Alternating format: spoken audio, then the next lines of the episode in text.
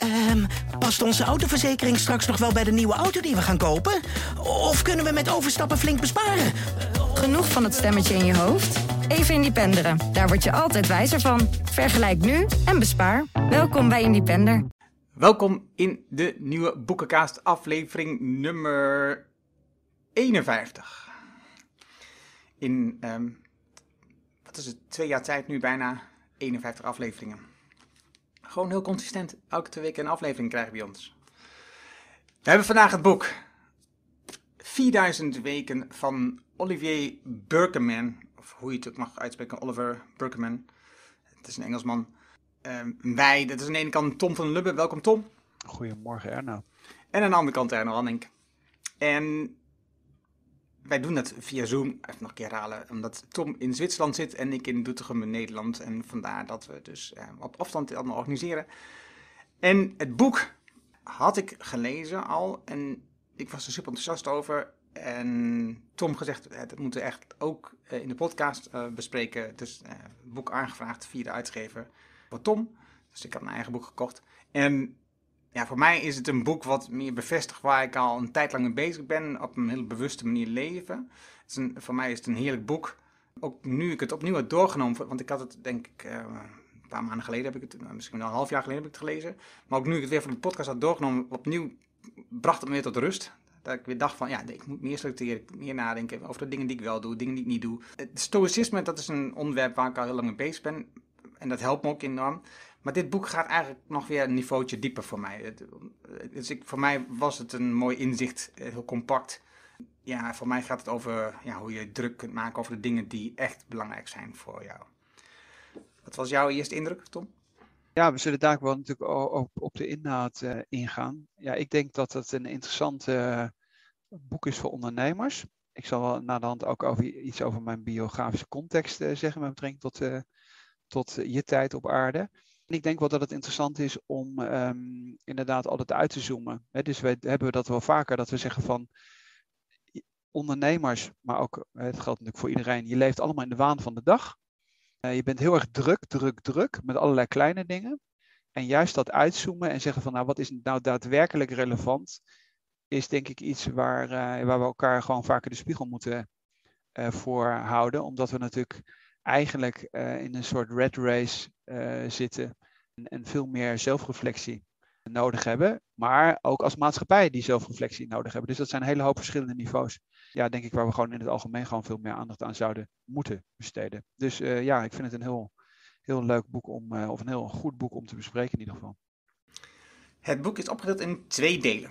Het eerste gaat over kiezen. Het heet Kiezen voor kiezen. En het tweede deel gaat over de macht over de tijd voorbij. En onder die twee delen zitten dan verschillende hoofdstukken.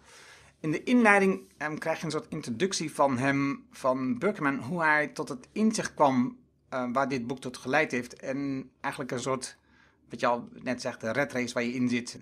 Uh, iemand die heel erg bezig was met productiviteit, uh, inbox zero, getting things done. Alles maar doen om ervoor te zorgen dat je meer kunt doen in de tijd die je beschikbaar hebt. Steeds efficiënter leven. Maar een bepaald moment realiseert zich, wacht even, waar, waar leidt dit eigenlijk toe?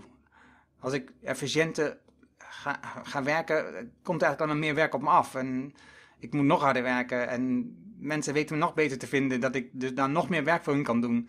Waar leidt het eigenlijk allemaal toe? En hij zat op een bankje in het park in New York en kwam tot inzicht: oké, dus dit, dit, dit moet dus anders. Ik wil dit niet meer op deze manier. Want als ik efficiënter word, betekent eigenlijk niet dat ik een beter leven krijg, maar dat ik vooral meer kan gaan doen en ook dus meer doe. Voor mij was het een mooie, mooie introductie uh, voor, voor, dit, voor dit boek om tot zo'n inzicht te komen op zo'n bankje in de zon in Central Park in New York. Ja, misschien dat je toch nog iets moet zeggen over, over dat bankje eh, waar hij zat. Wat de trigger is. Omdat hij in principe ergens zat. Waar daarvoor, eh, ik geloof, een soort amok lopen, of hoe zeg je dat? Iemand die daar mensen on ondersteboven had geschoten. Uh, had plaatsgevonden. En hij zei van ja, als ik nou hier gewoon een week eerder of later was geweest, dan had ik er in principe ook kunnen zijn. En dat is iets wat je, dat is wel een terugkerend thema wat je heel vaak ziet dat of mensen in hun eigen biografie uh, iets hebben waar ze door aan het denken worden gezet. Dat kan bijvoorbeeld vluchten door oorlog zijn, hè, heel actueel thema.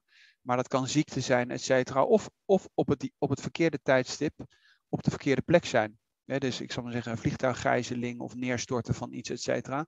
Er zijn best wel ook veel bekende TED-talks en zo over. En het interessante is eigenlijk elke keer weer de vraag: hebben wij dat soort live events nodig om tot die zelfreflectie te komen? En dat is waar hij eigenlijk over filosofeert. Dus het interessante in dat boek is eigenlijk, misschien dat we dat nog even moeten laten zien, dat er helemaal in het begin van dat boek, uh, en daar, daarom ook die titel, is de vraag van ja, hoeveel weken heb ik eigenlijk in mijn leven? Nou, dat zijn ongeveer bij een gemiddelde levensverwachting zijn dat 4000 weken. En dan is dat natuurlijk heel erg confronterend als je zegt van ja, hoeveel weken heb ik eigenlijk nog over? En dat is dat, eigenlijk dat oude filosofische memento mori. Hè, gedenk dat, dat gij ook zult sterven. Dat leidt eigenlijk tot die zelfreflectie, wat je ook altijd al hebt gehad in, de geschiedenis. Hè. Dat zijn de verwelkte bloemen op de schilderijen, dat is de doodskop, et cetera. En in dat boek zitten eigenlijk twee niveaus. Het hele praktische en het hele filosofische. En dat vind ik bijvoorbeeld een heel, heel interessant om te lezen. Omdat hij die, uiteindelijk een, een boek wat makkelijk leest. Maar wat elke, in elk hoofdstuk is er een soort uitnodiging naar een, soort, naar, een filosofisch thema. En dat maakt het, vind ik, prettig leesbaar. Ja, en het praktische, daar zie je heel veel bekende voorbeelden die we als ondernemer allemaal uh, gebruiken of hebben geleerd of uh, willen toepassen of, of toepassen. En waarin je dan tot de conclusie komt, dat is eigenlijk van, maar waartoe leidt dit eigenlijk allemaal? Waar, waar, waarom doe ik dit eigenlijk allemaal? Ja, wat misschien nog wel relevant is, is omdat jij het even genoemd hebt, maar je deed het heel snel. Getting things done, et cetera. En wat hij in principe ook beschrijft, uh, dat hij heel erg gefocust was op dingen heel efficiënt doen. En, en ik denk wat, wat zinvol is, is om even te visualiseren. Je hebt natuurlijk bij David Allen, hè, de grote efficiency guru, met Getting Things Done. Ik geloof overigens niet dat we het boek uh, besproken hebben, maar misschien is dat nog interessant om dat ook een keer te doen, omdat er best wel heel veel ondernemers daarmee bezig zijn. Je pro probeert elke keer nog meer dingen af te vinken binnen, binnen je dag. En de matrix die daar eigenlijk bij hoort, is het verschil maar dat is dan in principe David Allen, Getting Things Done. Het verschil tussen effectiviteit en efficiency. En dan kun je de juiste dingen op de juiste manier doen, of je kunt de wrong things right doen.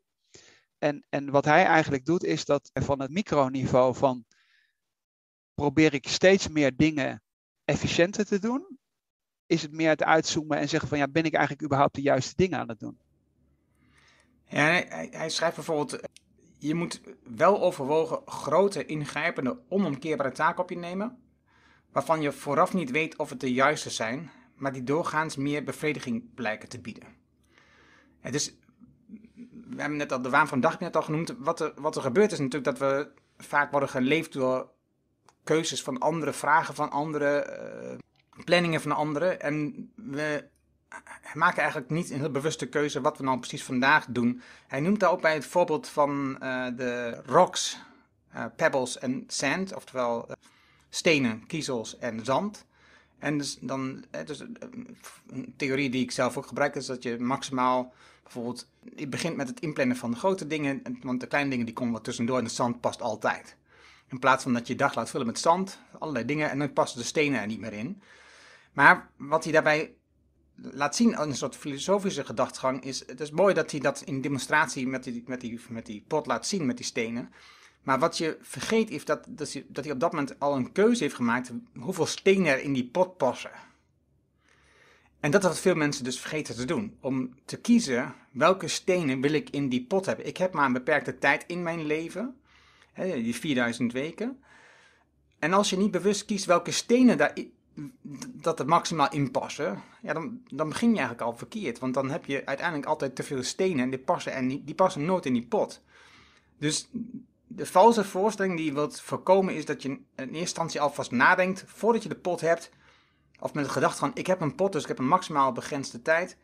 Ik kan maar zoveel grote projecten oppakken. En wat hij daar dus tegenover stelt is, pak dan ook werkelijk hele grote projecten op die heel uitdagend zijn. Zodat je dat gaat doen die, wat je uiteindelijk echt gewoon meer levensplezier geeft, levensgeluk geeft, omdat die grote dingen helemaal te doen voor jou, in plaats van al die kleine shit waar je mee bezig bent. Ja, wat, wat ik nog wel interessant vind is bijvoorbeeld dat eerste hoofdstuk, daar gaat het over leven met grenzen aan het leven. En, en, en wat je natuurlijk ziet is dat wij heel erg nog steeds in die, in die mode zitten van je moet je tijd op een zinvolle manier inrichten. En uh, ik pak even uh, bladzijde 31 erbij, omdat ik dat interessant vind wat hij elke keer doet. Hij maakt heel vaak een uitstapje, overigens meeste gevallen naar Duitse filosofen. Op bladzijde 31 is het Nietzsche die die citeert. En het interessante is dat vaak die zinnen heel erg verdichtend zijn. Dus er zit heel veel, heel veel substantie in één zo'n zin. Dus er staat bijvoorbeeld hier: de noodzaak is steeds groter om geen vrije tijd te hebben waarin we even afstand kunnen nemen en kunnen nadenken. Altijd zijn we ons aan het haasten, omdat iedereen op de vlucht is voor zichzelf. Nou, dus dat hele idee van juist niks doen, dus alleen maar wat we ook bijvoorbeeld in de Oosterse filosofie zien en de stoïcisme en gewoon uh, kijken naar de zee of weet ik veel wat, of wandelen. Of dat, dat, dat idee dat wij elke dag maar onze, onze agenda moeten vullen, daar bijvoorbeeld ook afstand van te nemen en te zeggen van ja, wat, laat ik het bepalen door iemand anders of, of doe ik bewust is helemaal niks. Dus we hebben heel veel moeite daarmee om niks te doen. En daarom zie je bijvoorbeeld ook in religies, bijvoorbeeld het, het oude idee van de retreat, dat je je terugtrekt en bijvoorbeeld alleen maar zwijgt, kunnen wij als moderne mensen helemaal niet meer tegen. We draaien helemaal door, omdat we eigenlijk permanent natuurlijk op onze mobiele telefoon zitten. Dus dat de voorstelling, heb je bijvoorbeeld ook in India, dat je dagenlang ergens zou zitten en niet, en niet praten, of ook in de, in de, bij de monniken, et cetera, is iets wat we eigenlijk weer veel meer zouden moeten herontdekken, om te merken hoe confronterend dat eigenlijk is. En dat we dus eigenlijk vluchten, en dat is waar hij hier Nietzsche citeert. Hè? En dat vind ik zo interessant aan. Altijd zijn we ons aan het haasten, omdat iedereen op de vlucht is voor zichzelf. Nou, dat is natuurlijk heeft veel, zoveel filosofische substantie. Alleen we zijn alweer verder en we zijn alweer het aan het doen. De religie komt dan vaak terug, en zeker in het tweede deel, eh, de Sabbat en zo komt terug. Ik zag een, aflevering met Reizen met Waas. Um, en dat ging over um, de reis naar een klein eiland wat, zoals we nu met de natuur omgaan, eindig is. Omdat het zich uh, langzaam zeg maar, ondergaat in de zee. Dus het eiland um, zinkt niet, maar de zeespiegel stijgt daar. Uh, en, en het is een heel vlak eiland, dus het gaat gewoon ten onder. En hij was daar bij iemand thuis in, in een bed and breakfast, zeg maar. En er was dus ook een zondag in die trip. En het is een vrij christelijke gemeenschap en ze gaan naar de kerk op zondag. En de rest van de zondag doen ze niets. Maar dan ook echt gewoon niets. En je kon zien dat Waas, ik ben even zijn voornaam kwijt, dat hij gewoon daar niet meer over weg kon. Dat hij dat, dat hij dat echt verschrikkelijk vond. En hij wilde misschien een spelletje gaan doen of zo, of we gaan kaarten of wat dan ook. Nee, nee, we doen niets. Het mag niet, kan niet. En dat is dus, je ziet het nu ook, zondag was voor veel christenen natuurlijk echt een rustdag, waarbij je eh, alles op zaterdag deed om de zondag rust te kunnen hebben, zie je nu dat de zondag een soort escape dag is, waarbij je alle klusjes doet die je op zaterdag niet afgekregen. Ja, en wat je natuurlijk ook ziet is dat inderdaad wat jij zegt, je hebt die verschillende culturen. In Nederland is het helemaal aan het, e-, aan het ene extreem. dus zondag alle winkels zijn open. Nou, ik woon in Zwitserland, dat is dus in Zwitserland niet zo. In Zwitserland zijn op zondag de winkels nog gesloten. Dus die stad is uitgestorven. Dan ga je of de natuur in, je gaat wandelen of je gaat iets anders doen, je gaat iets met je kinderen doen. Maar die zondag dan ook weer vullen met shoppen. Dus, als, dus, dus de zelfreflectie die we vroeger hadden, of dat naar de kerk is, of wandelen, of de natuur ingaan, of sport, of weet ik veel wat, die is vervangen door laat ik de stad ingaan en dingen kopen eh, die ik niet nodig heb. En op een gegeven moment komt er natuurlijk een omslagpunt waar je die zelfreflectie weer krijgt en zegt van ja, waar, ben ik eigenlijk in hemelsnaam mee bezig? En wat ik ook weer interessant vond is, taal is heel krachtig. In het Duits heb je dus een begrip, dat noemt hij ook op bladzijde 33, Eigenzeit. En Eigenzeit is de tijd waar je eigenlijk gewoon gaat zitten en gaat zitten nadenken, tijd voor mezelf. Maar Eigenzeit heeft ook een filosofische inhoud. Dus dat is echt die reflectie van waar ben ik eigenlijk in hemelsnaam mee bezig en wat is nou daadwerkelijk relevant als ik hè, maar die 4000 weken heb. Ja, het mooie vond ik ook dat, um, en dat zit in hetzelfde hoofdstuk over dat Eigenzeit, is dat we proberen heel erg grip te krijgen op ons werkschema. Om daarmee vrijheid te creëren in de toekomst. dus uh, morgen, volgende week, volgend jaar, als we met pensioen zijn. Maar wat veel handiger zou zijn, is als we ons meer zouden laten leiden door het ritme van de gemeenschap waar je deel van uitmaakt. Dus door, door jezelf um, te dwingen om in een bepaald ritme waar meer mensen betrokken zijn op datzelfde moment, en daar hebben ze, verwijst hij naar Zweden bijvoorbeeld, Maar de, de, dus bijvoorbeeld dat je lid wordt van een koor, of dat je gaat trainen met een aantal mensen samen, of dat je een hobby samen met mensen uitoefent, zodat je op hetzelfde tijdstip met, met een aantal mensen in je omgeving hetzelfde doet. Bijvoorbeeld s'avonds samen eten. Dat is ook zoiets. Dat, is, dat je met elkaar het ritme afstemt om iets samen te doen, zodat je deel uitmaakt van een gemeenschap. Want dat maakt je uiteindelijk gewoon gelukkiger. En het andere, dat staat ietsje verder, dat gaat over de wet van Parkinson. Die is ook interessant. Um, het werk dijt altijd zover uit dat de tijd die ervoor beschikbaar is volledig wordt benut. We prutsen net zo lang, we verdoen onze tijd net zo lang um, tot de tijd is gevuld die we daarvoor gepland hadden. Ja, en dat zal altijd zo blijven. Dat is natuurlijk, we kunnen wel denken dat we steeds efficiënter worden en dat dat steeds minder is. Maar uiteindelijk benutten we de tijd die we ervoor hebben genomen, die we gepland hebben. Je zegt al, veel Duitsers, Hartmut Rosa noemt hij ook, eh, door te geloven in een leven na de dood, was er in het verleden ook minder druk om dingen gedaan te krijgen. Omdat er nog meer leven was na, na die 4000 weken. Nou, als je echt over nagaat, hij gaat, heel, hij gaat daar heel filosofisch op in. Dan zou je kunnen zeggen, als je echt gelooft er is leven na dood, dan heeft het leven ook helemaal geen zin. Want dan kun je altijd alles nog doen. Dus kun je net zo goed nu niks doen, want je hebt nog tijd om al die andere dingen te doen. En hij zegt, nee, mensen zouden, uh, omdat je niet meer gelooft in het leven na dood, heb je dus alleen dit leven. En, en willen we eigenlijk alles uithalen. Proppen mensen dat leven dan vol met allerlei belevenissen. En dus dat is dan weer de andere kant. En is er dus geen ruimte meer voor, nou ja, die... die uh. Hè? Dus om gewoon rust te nemen en te ontspannen en na te denken. Wat misschien wel interessant is, is omdat uh, uh, ik al een aantal malen verbaasd was uh, Hartmut Rosa hier tegen te komen. Dat boek heet dus Beschleunigung. Ik heb dat als, ik geloof als student gelezen of zo, 20 jaar geleden of 30 jaar geleden. En ik had nooit gedacht dat dat, dat, dat beroemd zou worden, omdat het een hele dikke pil is. Um, maar Hartmut Rosa had bijvoorbeeld ook die prijs gekregen van de Universiteit van, van de Humanistiek nu komen we bijvoorbeeld nu weer tegen in dat boek van een Engelse journalist die in New York woont. En het interessante is, maar misschien moeten we dat linkje er gewoon een keer inzetten, is dat Hartmut Rosa laat ook zien dat alles wat we doen steeds sneller is geworden. Dus bijvoorbeeld multitasking, wat we in het verleden bijvoorbeeld niet deden. Het beste voorbeeld wat altijd genoemd wordt is bijvoorbeeld dat je op het toilet eigenlijk ook al op je telefoon zit.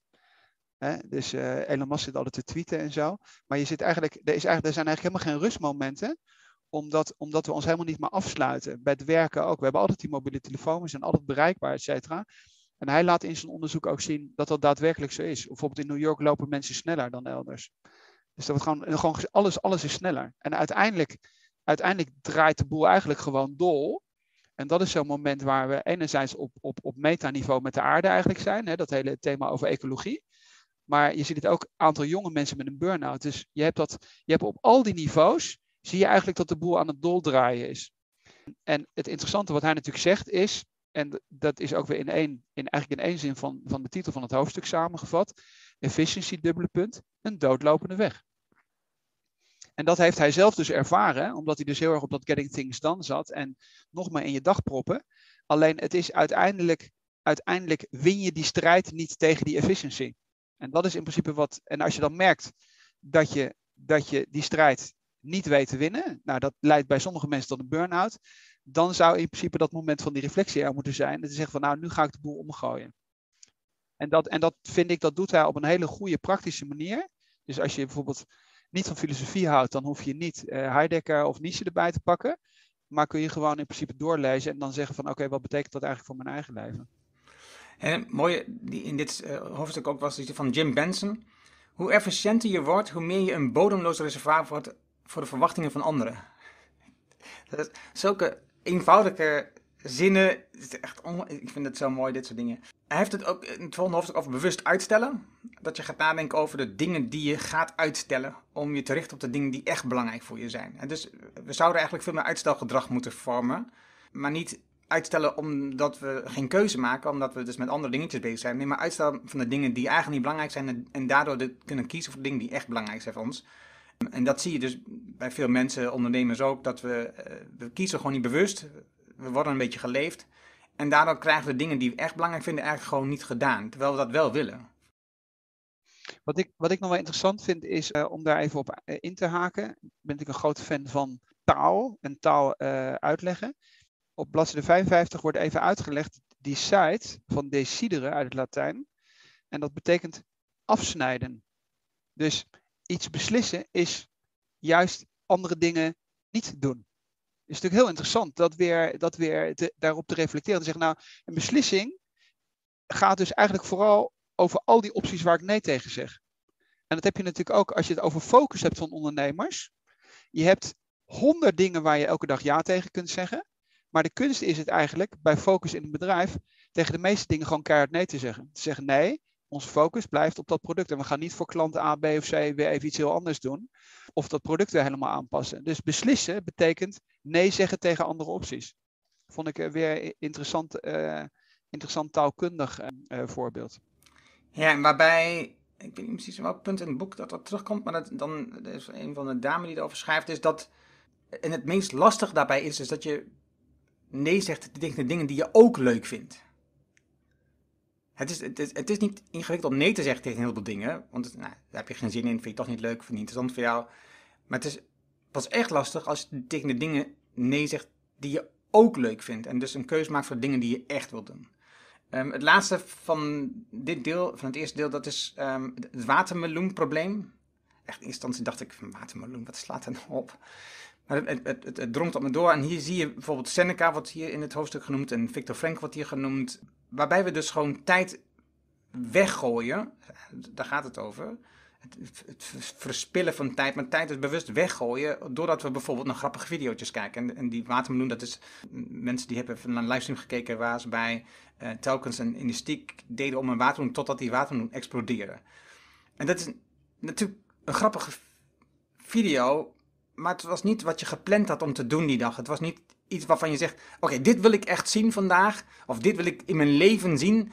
Om, om iets beters van mijn leven te maken. Nee, dat, is, dat komt voorbij. En, dat, en daar komt hij op die um, techbedrijven. Techbedrijven voor duidelijkheid. Die dus heel goed zijn in onze aandacht vastpakken. Waar we eigenlijk niks voor terugkrijgen. Ja, we krijgen wel iets voor terug. Advertenties om nog meer spullen te kopen waar we, niets mee, waar we eigenlijk niks mee hebben.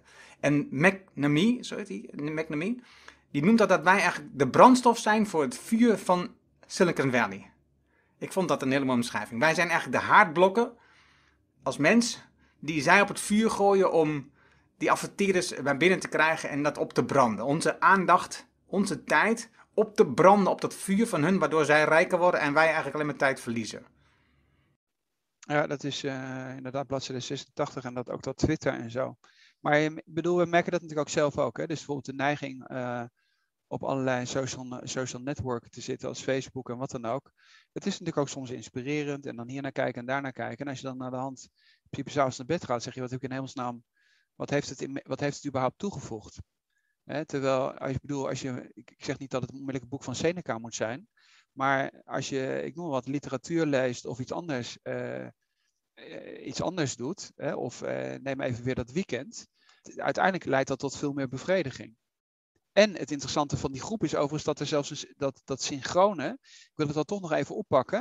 Het interessante is dat bijvoorbeeld, wij willen heel efficiënt, bijvoorbeeld ook in Zwitserland, de verschillende provincies hebben op een verschillend moment hebben ze vakantie. Dat wordt in het boek bijvoorbeeld ook beschreven. Dat is nog wel interessant, want dat vond ik wel uh, omdat Zweden daar uh, interessant is en ook bijvoorbeeld Frankrijk of Zuid-Europa, waar in augustus alle mensen op hetzelfde tijdstip uh, vakantie hebben. En dat leidt tot een veel hoger geluk. Waarom? Omdat je namelijk je vakantie kunt doorbrengen met de mensen waar je je vakantie mee wilt doorbrengen. Wat doen wij in het Noordwest-Europa, maar ook bijvoorbeeld Zwitserland? Allemaal verschillende. We gaan, we gaan die vakantie allemaal spreiden, hè, lekker efficiënt. zodat we niet allemaal op hetzelfde moment met vakantie gaan.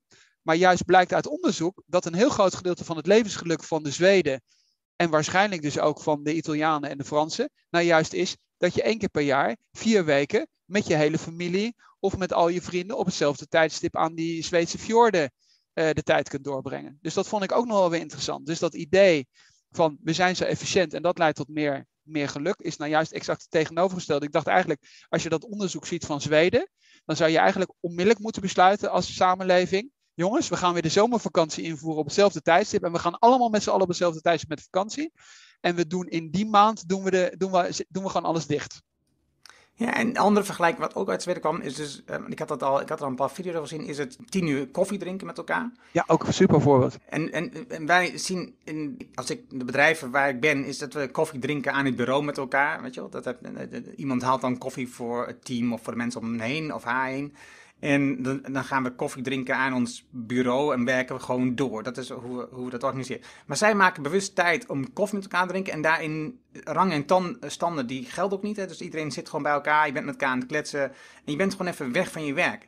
En het klinkt in onze oren waarschijnlijk inefficiënt. Dat je, dat je uh, tijd bewust niets doet.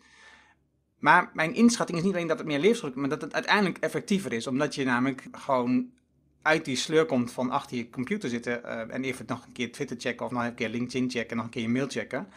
En juist bewuster wordt van een tijd die je wel hebt en daar beter over nadenkt hoe je dan wat je moet doen. En niet alleen dat, maar ook dat je dus gewoon de ruimte hebt om even te laten bezinken. En dat je tot nieuwe inzichten komt en daardoor beter besluiten kunt nemen bijvoorbeeld. Dus dat, dat zijn elementen waarvan ik denk, het is interessant dat het vermeld wordt, maar wat, wat kunnen we eraan veranderen? Hoe kun je je dag anders inrichten? Nou, ik dacht in ieder geval, ik was even de, ze hebben er ook een speciaal woord voor, hè? iets van koffie, koffie of ik weet niet precies hoe het heet. Ik was even aan het zoeken, maar ik vond het woord niet. Ik dacht van ja, eigenlijk moet je dat gewoon keihard invoeren. Alleen het is natuurlijk het probleem dat als jij als enige bedrijf dat invoert, zit iedereen je aan te gapen en zeggen waar gaat het in hemelsnaam over? Terwijl als je uitzoomt en je zou zeggen van nou welke landen zijn nou het meest welvarende, dan land je natuurlijk weer bij Zweden en Noorwegen, die, die uiteindelijk gewoon de boel dicht doen in de zomer. En dus dit vaste koffiemoment hebben. Ja, welvarend is wel, eh, eh, de hoogste welzijn hebben ze. Ja, beide. Dus ze zijn uh, heel welvarend en ze hebben ook het hoogste welzijn. Dus het is, het is helemaal niet zo. Want je zou nog kunnen zeggen van ja, nee, als ze gelukkiger zijn, maar ze zijn veel armer. Dan zouden de economisch georiënteerde mensen zeggen: ja, maar dat, ze, dat die Mexicaanse visser zo gelukkig is, dat begrijp ik ook, want die heeft ook slechte gezondheidszorg, et cetera. Nee, we hebben het over Zweden en Noorwegen. We hebben het niet over Mexico. Maar die worden overigens wel genoemd in het boek. Ja, daarom, maar daarom refereer ik ook even aan het voorbeeld van die visser. Ja, het tweede deel. Eh, de macht over de tijd voorbij. Dat is een meer filo filosofisch deel, zoals je al zei in het begin. Die wordt de wet van Hofstadter genoemd. Uh, elke klus waar je aan begint gaat meer tijd kosten dan je had verwacht. Ook als je rekening houdt met de wet van Hofstadter. Dus, oké, dus ik, ik heb een project en ik zeg, oké, ik doe er een maand over, verwacht ik is al vrij ingewikkeld om het in te schatten, want er, komen, er gebeuren onderweg allerlei dingen. Maar oké, ik verwacht dat het een maand duurt. En dan zeg je, eh, maar ik ken de wet van Hofstadter, dus ik trek er twee weken bij. Dus ik maak er zes weken van. Nou, dan duurt er waarschijnlijk tien weken over. Ja, briljant. Maar dit is natuurlijk, ik zou maar zeggen, metaniveau weer. En dan nog verbonden met humor. Het is echt briljant. Maar goed, Dr. Hofstadter is, uh, moet je maar eens googlen, dat is natuurlijk, uh, ja, dat is gewoon echt super. We moeten misschien ook wel wat linkjes er nog in zitten, want je noemde bijvoorbeeld ook al Victor Frankl. Dus komen, in dit boek komen zoveel boeken voorbij waar wij ook al vaker aan gerefereerd hebben. Of bijvoorbeeld deels ook bijvoorbeeld besproken hebben. Dat ik wel een idee had van het is een soort samenvatting van een, van een hele hoop dingen. En wat dat betreft is het ook wel, dus eigenlijk mijn grootste kritiekpunt aan het boek, dat het notenapparaat bijvoorbeeld niet, niet geïntegreerd is in de hoofdstukken. Omdat, juist omdat er zoveel verwijzingen in zitten. Ja, ja het is lastig om om om het terug te vinden. Een filosofisch inzicht was dat van David Kane. Je hebt pas zekerheid over de toekomst als die achter de rug is. Het, is, we maken ons enorm druk over de toekomst, hoe die eruit ziet. Over ons bedrijf, over het komend kwartaal, het komend jaar.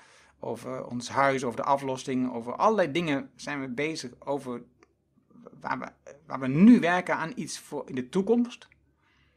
Maar we hebben eigenlijk helemaal geen idee hoe de toekomst er echt uitziet. we hebben een verwachting over de toekomst. En er gebeuren allerlei dingen waardoor die toekomst er eigenlijk niet eens uitkomt. En daarin uh, heeft hij een mooi um, verhaaltje van een of andere, wat was het? India, Indiaanse filosoof of wijs, uh, ik weet niet precies wat iemand dat was. De, waarbij hij zegt, ze zitten in een groep en ze hebben les van die man. En waarbij die papa zegt, wil je weten wat mijn echte geheim is? Iedereen zo dichterbij, zo naar hem toe. Ja, natuurlijk wil ik dat graag weten. Dat is onze zen, onze leermeester. Dan zegt hij, ik maak me nergens druk over. Ja, Krishnamurti is dat. Die in de jaren zestig heel, uh, heel bekend was. Dus het kan ook best zijn dat er weer zo'n weer zo'n golf van spiritualiteit uh, uh, weer aan zit te komen na deze zeer economisch gedomineerde fase.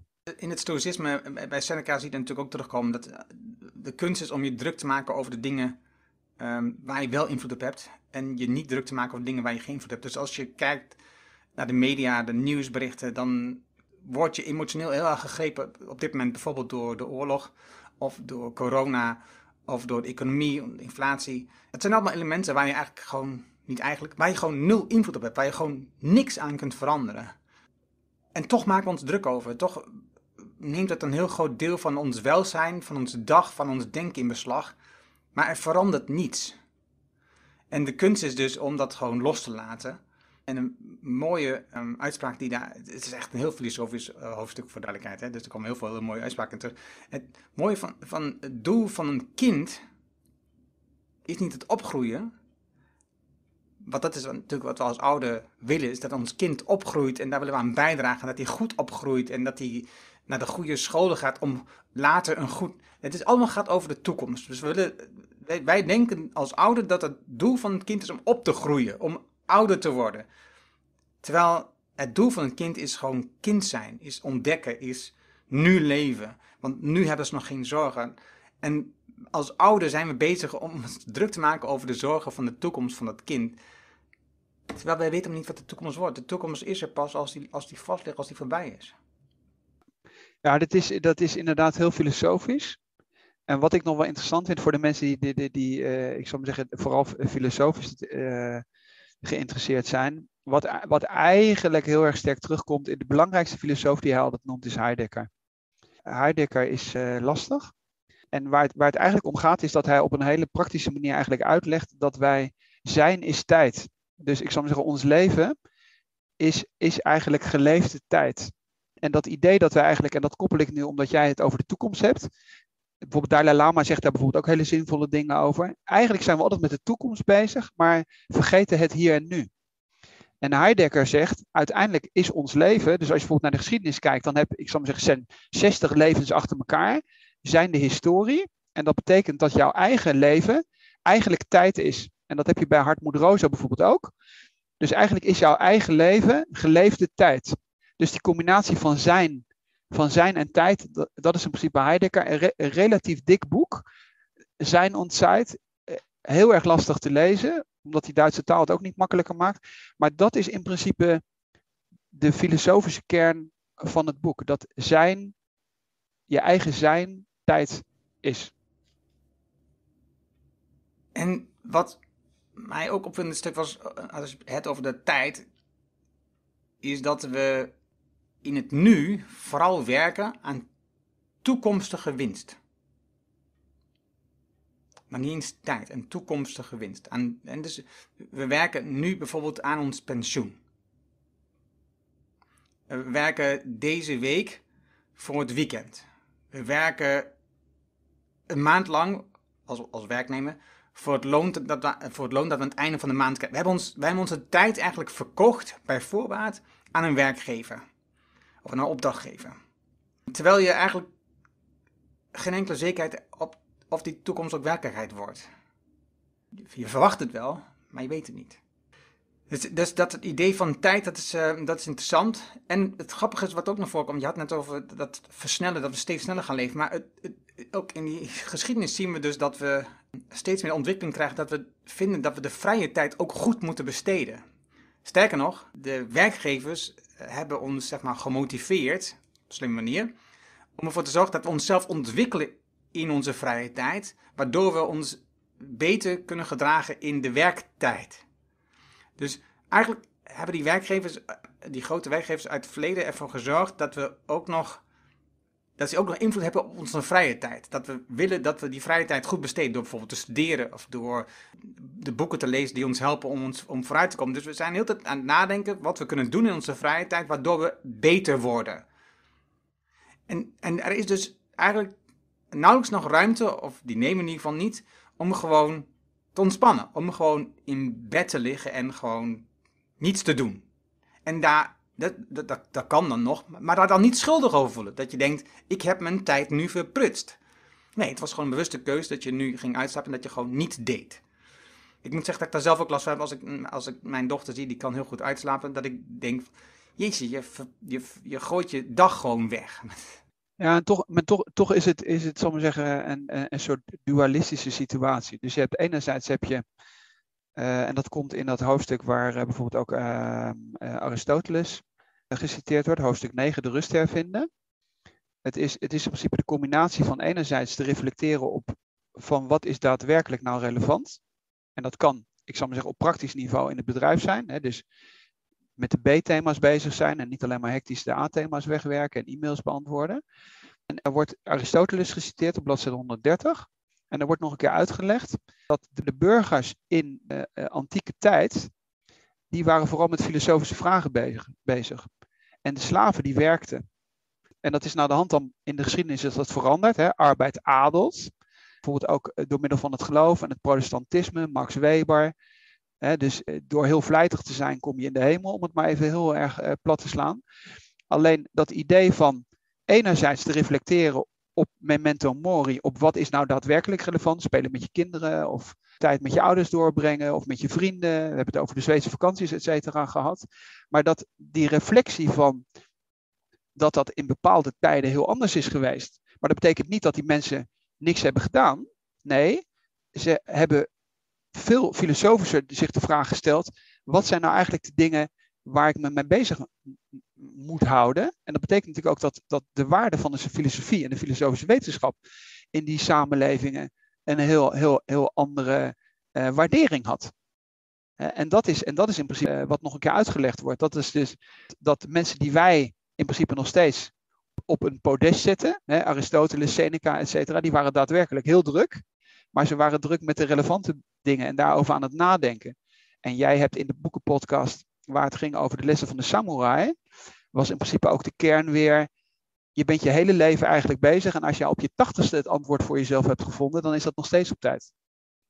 Maar dat is dus een heel, heel, ander, uh, heel ander perspectief uh, wat wij een beetje verloren hebben. Dus we zijn maar heel druk, druk, druk.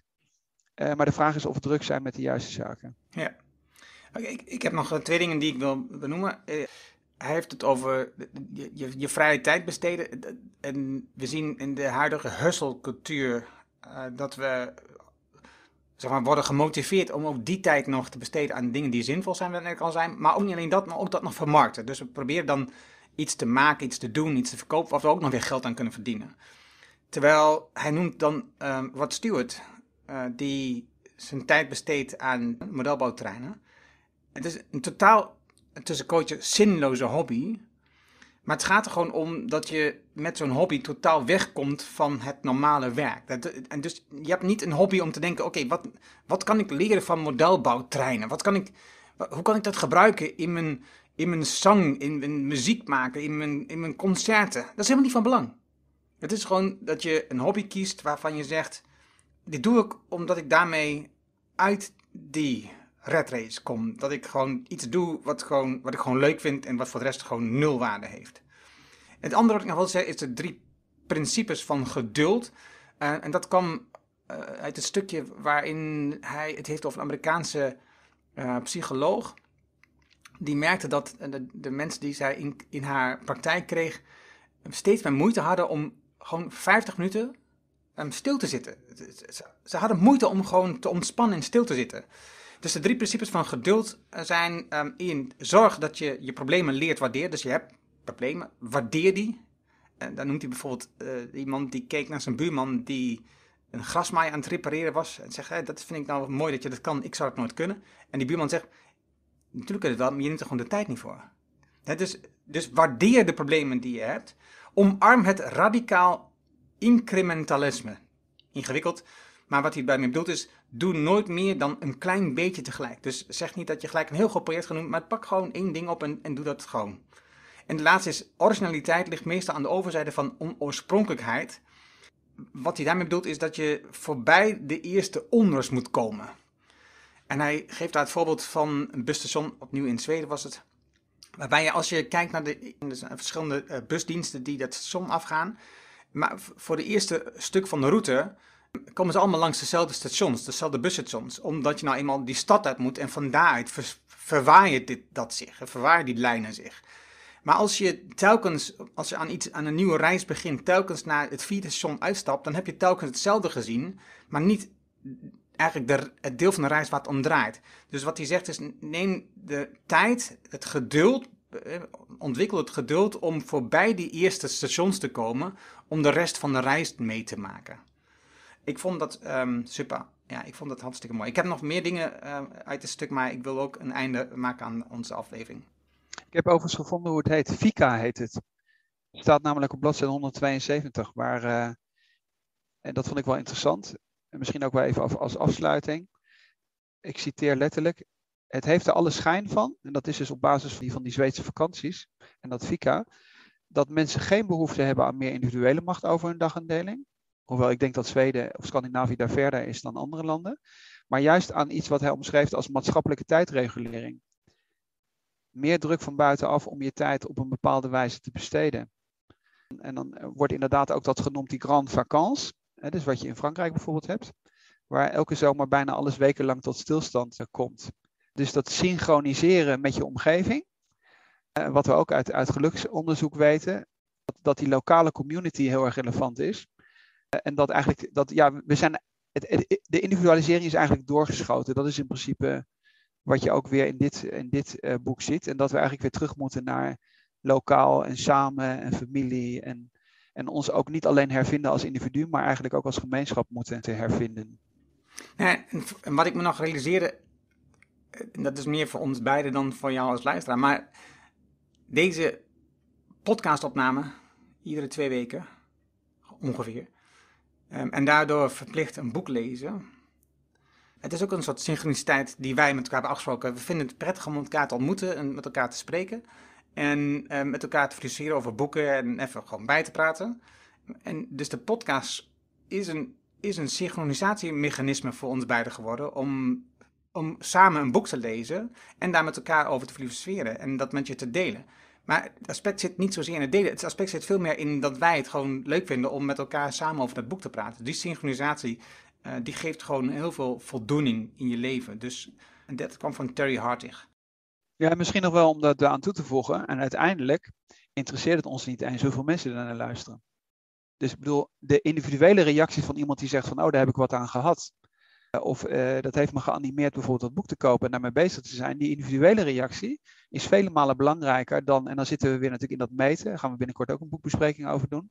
Alles maar te meten. De vraag is van, ja, is dat überhaupt relevant voor jou als individu of voor jou als groep? Nee, voor ons is het helemaal niet relevant. Dus als wij eh, samen gewoon dat ritme bijbehouden en, en, en onszelf eh, helpen door voor gedeelte ook zelf te reflecteren of met elkaar net zoals andere mensen afspreken om samen te gaan joggen of een boswandeling te maken, hebben wij één keer uh, om de week een afspraak om, om uh, samen over een boek te praten en ons die vrijheid te nemen, daar een heel uur mee, bezig te zijn en niet nu tussen tien en elf uur nog tien andere e-mails beantwoord te hebben.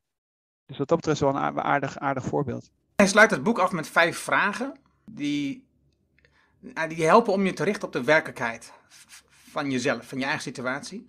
En waarbij je kunt nadenken over de beperkte hoeveelheid tijd die je hebt en hoe je die optimaal kunt benutten. En dus optimaal is niet het meest efficiënt, maar hoe, hoe, hoe meer betekenis dat voor je heeft. Dus het zijn um, interessante vragen. Voor mij, ik vond het een superboek. Um, het, het is een superboek voor iedereen, punt.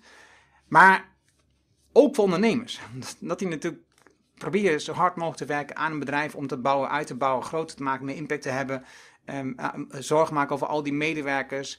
Er zitten zoveel elementen in die je in ieder geval voor het moment dat je het boek leest terugbrengen naar een andere realiteit, laat het dan, ik het dan zo noemen. En dat helpt je om ja, ja, richting te vinden in je leven en meer tijd te nemen voor de dingen die echt belangrijk zijn, keuzes te maken. Omdat als je een keuze maakt voor het ene, betekent dat je, wat we eerder al zeiden, dat je eigenlijk het leven afsnijdt van andere dingen die je zou kunnen doen.